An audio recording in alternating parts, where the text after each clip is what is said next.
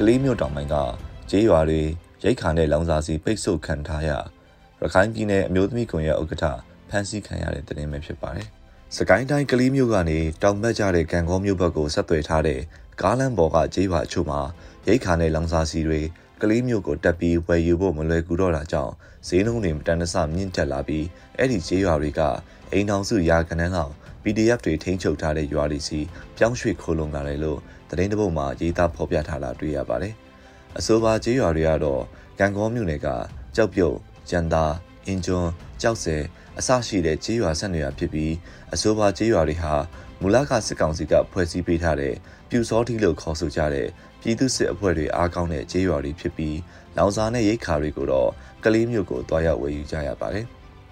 ကလေးမျိုးနဲ့ဆက်သွယ်ထားတဲ့လမ်းပိုင်းအချို့ကို PDF တွေကထိန်းချုပ်ထားတာဖြစ်လို့ကာလကြာရှည်လာတဲ့အခါ73စီနဲ့လိုအပ်တဲ့ရိတ်ခါပစ္စည်းတွေမတန်တဆဈေးကြီးမြင့်လာနေတယ်လို့သတင်းမှာဖော်ပြထားပါတယ်။ဆိုရှယ်မီဒီယာမှာပြန့်နှံ့နေတဲ့တိုင်ကြားစာတစ်စောင်မှာတော့အဲ့ဒီဒေတာမှာနေထိုင်နေကြသူတွေဖို့73စီတကားလန်ကိုကြက်6000လောက်နဲ့ပေးဝယ်နေကြရပြီးလူသုံးကုန်ပစ္စည်းတွေလည်းရှားပါလာနေရလို့ဆိုပါတယ်။ဒီကျေးရွာတွေဟာစစ်တပ်၏ပြည်သူစစ်အားကောင်းတဲ့ကျေးရွာတွေဖြစ်ပြီး စစ်ကောင်စီအနေနဲ့၎င်းတို့ကိုထောက်ခံတဲ့ကျေးရွာတွေက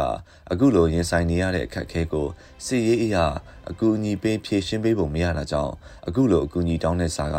အွန်လိုင်းပေါ်ပြန့်နှံ့လာတဲ့သဘောလို့လည်းကောက်ချက်ချရပါတယ်။ လက်နက်ကိုက်တိုက်ခိုက်မှုတွေစတင်ဖြစ်ပွားကာစကာလဖြစ်တဲ့2021ခုနှစ်လယ်ပိုင်းကာလတွေကအဲ့ဒီဒေသတွေမှာ PDF လှုပ်ရှားမှုတွေစစ်ကောင်စီတပ်ကနှိမ်နင်းတိုက်ခိုက်မှုတွေကြေကြေပြန့်ပြန့်ဖြစ်ပွားခဲ့ပြီးအစောဆုံးမီးရှို့ဖျက်ဆီးခံခဲ့ရတဲ့ကျေးရွာတွေလည်းဖြစ်ပါတယ်။သို့ပေမဲ့နောက်ပိုင်းမှာစစ်ကောင်စီရဲ့စီးရုံးမှုလက်နက်တပ်ဆင်ပေးမှုအောက်မှာပြူစောထီကျေးရွာလို့ဒီဘက်ကနမဲတက်ကြတဲ့ပြူစောထီလို့ခေါ်ဆိုတဲ့စစ်ကောင်စီဘက်ကဖွဲ့စည်းပေးတဲ့ ပြည်သူစစ်အားကောင်းတဲ့ကျေးရွာတွေအဖြစ်ပြောင်းလဲသွားတဲ့သဘောဖြစ်ပါတယ်။ဒီနေရာမှာကျေးရွာတရွာလုံးကိုပြူစောတိကျေးရွာတနည်းအားဖြင့်ပြည်သူစစ်ထောက်ခံတဲ့ကျေးရွာအဖြစ်သတ်မှတ်ကြတာဟာစီယုံရေးသဘောမပါတဲ့အဖြူအမဲခွဲသတ်မှတ်ကြတဲ့သဘောမျိုးဆောင်းပြီးရေရှည်မှာနိုင်ငံရေးစီရေးအရာစီယုံမှုရည်ရွယ်တာထက်ကျေးရွာအလိုက်အနီထောက်ခံတဲ့ရွာနဲ့အစိမ်းထောက်ခံတဲ့ရွာခွဲခြားသတ်မှတ်ပြီးတက်ခိုက်တာ လူရက်တာစားနပ်ရိက္ခာပိတ်ဆို့တာတွေစီဥတီသွားနိုင်တဲ့သဘောလည်းဖြစ်ပါတယ်။အရက်သားနဲ့လက်နက်ကင်လှူရှားတဲ့ပြည်သူစစ်ကိုခွဲခြားပြီးမတတ်မှတ်နိုင်ခဲ့ရင်လက်နက်ကင်သူကောမကင်သူအမျိုးသမီးကလေးငယ်တွေပါတင်းကျုံထည့်သွင်းပြီးရန်သူကျေးရွာတစ်ပွဲစဉ်းစားပြုမှုကြတဲ့အခါမှားယွင်းမှုတွေနဲ့ကြုံတွေ့နိုင်ရသလိုအရက်သားတွေကိုပါတပ်ဖြတ်သားတွေအထိဖြစ်ပေါ်လာနိုင်တာလည်းသတိပြုရမှာဖြစ်ပါတယ်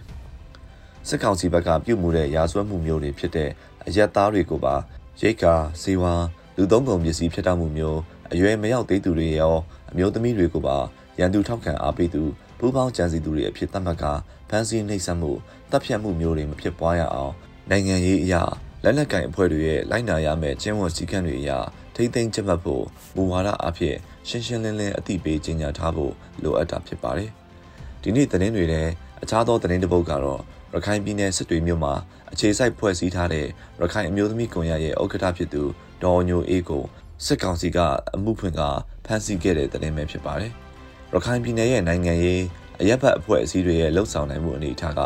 အခြားသောပြည်မတိုင်းဒေသတွေနဲ့ပြည်နယ်တွေထက်ဆိုင်ရင်ပုံမအားကောင်းတဲ့သဘောမျိုးတွေ့ရပြီး AA ရဲ့စင်ပြိုင်အုပ်ချုပ်ရေးတည်ဆောက်မှုတွေ CSO အဖွဲ့အစည်းတွေရဲ့ထုတ်ဖော်ပြောဆိုမှုလှုပ်ရှားမှုတွေပိုလှုပ်ဆောင်နေတဲ့အနေအထားလည်းတွေ့ရပါတယ်။ ယခုအဖမ်းခံရတဲ့ရခိုင်အမျိုးသမီးကွန်ရက်ရဲ့ဥက္ကဋ္ဌအနေနဲ့အမျိုးသမီးအကြမ်းဖက်ခံရတဲ့ကိစ္စတွေကအစားရခိုင်ပြည်နယ်ရဲ့အရေးကိစ္စတွေအထိပါဝင်လှုပ်ရှားလုပ်ကင်နေကြသူတူဖြစ်ပြီးမကြာခင်ကစံပြဿနာဖြစ်ပွားတဲ့အထိတ်အမှန်တွေကျင်းပရမှာတက်ရောက်ဟောပြောခဲ့ပြီးနောက်အခုလိုဖမ်းခံရတာလို့လည်းသတင်းတွေအရသိရှိရပါတယ်။ပုံမှန်905ခါခွေနဲ့ အမှုဖွင့်ထားတယ်လို့သတင်းတပုတ်မှာဒေါ်ညိုအေးရဲ့သမီးဖြစ်သူကပြောကြားထားပါတယ်။စစ်တွေစံပြဿနာအရေးခင်ဟာ1968ခုနှစ်ဩဂတ်စ်23ရက်မှာစံစည်းနှုန်းကြီးမြင့်မှုစံရှားပါမှုကြောင့်ထမင်းဝအောင်မစားနိုင်ကြတဲ့အနေအထားစံပြုတ်တောက်ကြရတဲ့အခြေအနေကနေထွက်ပေါ်လာတဲ့စံကိုယ်တော်ဖွင့်ပြီးစံတွေကိုဆန္ဒပြကြတဲ့လူအုပ်ကယူသွားခဲ့ကြတဲ့အဖြစ်အပျက်တွေဖြစ်ပျက်ပြီးနောက်ရက်မှာ ဖြစ်ပွားတဲ့စစ်တပ်ကပြစ်ခတ်မှုဖြစ်ပြီးဆန္ဒပြသူလူ200လောက်တေဆုံးခဲ့ကြရတယ်လို့တမိုင်းအဖြစ်ပြမှတ်တမ်းတွေအရသိရှိရတဲ့ဖြစ်ပျက်ဖြစ်ပါတယ်။ဆန္ဒပြသူလူ200ကျော်တေဆုံးခဲ့ရတဲ့တမိုင်းဖြစ်ရအတွက်တေဆုံးခဲ့ရသူတွေအတွက်နှစ်စဉ်အမှတ်တရအခမ်းအနားတွေကျင်းပခဲ့တာလည်းဖြစ်ပါတယ်။ မာဆာလာခေတ်လို့ခေါ်ဆိုတဲ့1962ခုနှစ်ကနေ1988ခုနှစ်အထိစစ်ဗိုလ်ချုပ်တွေကဒေါ်လာရေးကောင်စီမြမဆိုရှယ်လစ်လမ်းစဉ်ပါတီစသဖြင့်အမျိုးမျိုးအမည်ပြောင်းအုပ်ချုပ်ခဲ့တဲ့ခေတ်ကာလမူဝါဒအလွဲတွေစီမံခန့်ခွဲမှုအလွဲတွေကြောင့်လူထုအနေနဲ့စံစဘာကိုလုံလောက်အောင်ဝယ်မစားနိုင်တဲ့အခြေအနေအထိရောက်ရှိခဲ့ကြရတဲ့ကာလတွေလည်းဖြစ်ပါတယ်ခင်ဗျာ။